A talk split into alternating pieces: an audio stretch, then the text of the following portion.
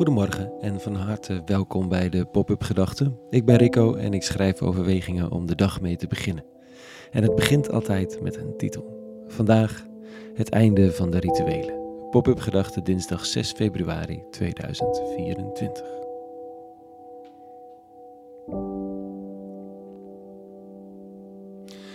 Het is een beetje een buzzword geworden, rituelen.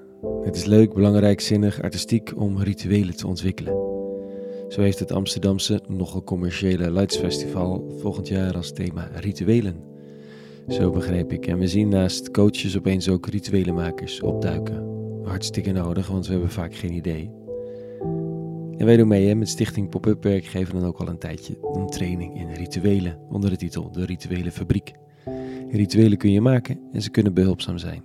Vooral in een ontheiligde, seculiere en rationele wereld als de onze. Mijn eigen pop-up gedachte hier is natuurlijk een ritueel.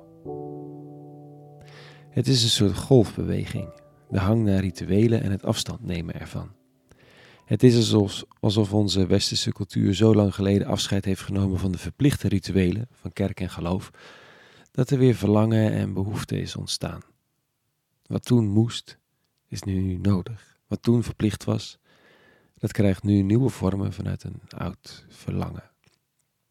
Zo rouwen en vieren bijvoorbeeld, waar je kaarsjes kunt branden in de laatste weken van december, in een kas op een centraal plein in stad en dorp.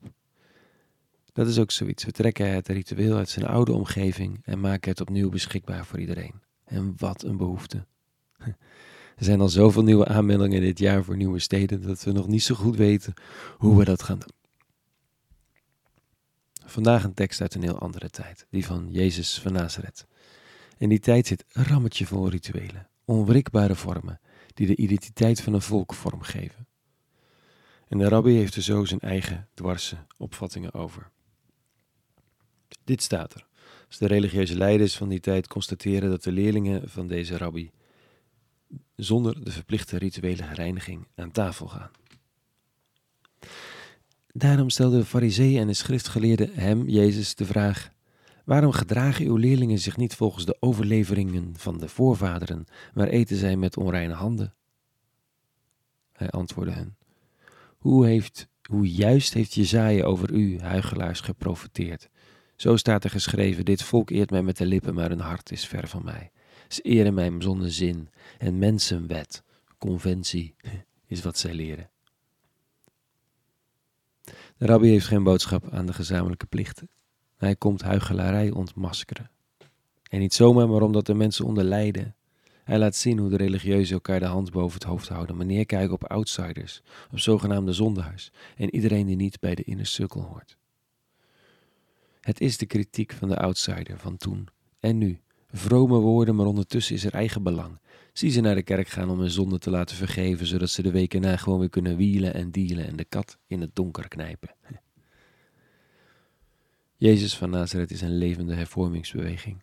Hij leidt een nieuw tijdperk in van authenticiteit, dwars tegen de conventies in.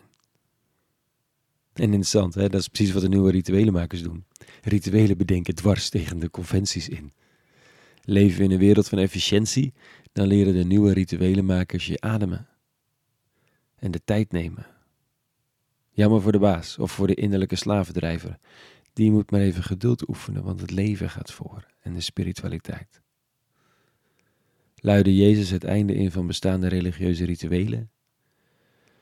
Het is anno nu misschien wel de tijd dat we het einde inluiden van de rituelen van de vrije markt, van het liberale individuele efficiëntiedenken, van de maakbaarheid. Of misschien beter gezegd, we herkennen dat dit einde al lang wordt ingeluid. En tijd om onszelf te ontdekken aan onze innerlijke slavendrijver.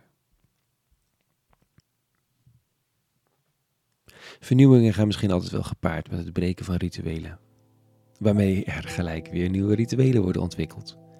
De rabbi zelf neemt het Pesach-ritueel en geeft er een eigen draai aan. Hier, dit is mijn lichaam. Het oude moet voorbij, er is iets nieuws gekomen. Welke geritualiseerde wetmatigheden mag ik achter me laten?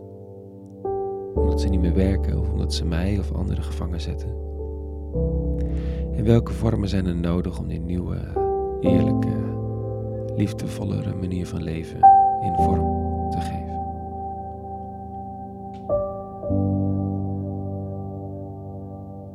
Genoeg vragen voor vandaag.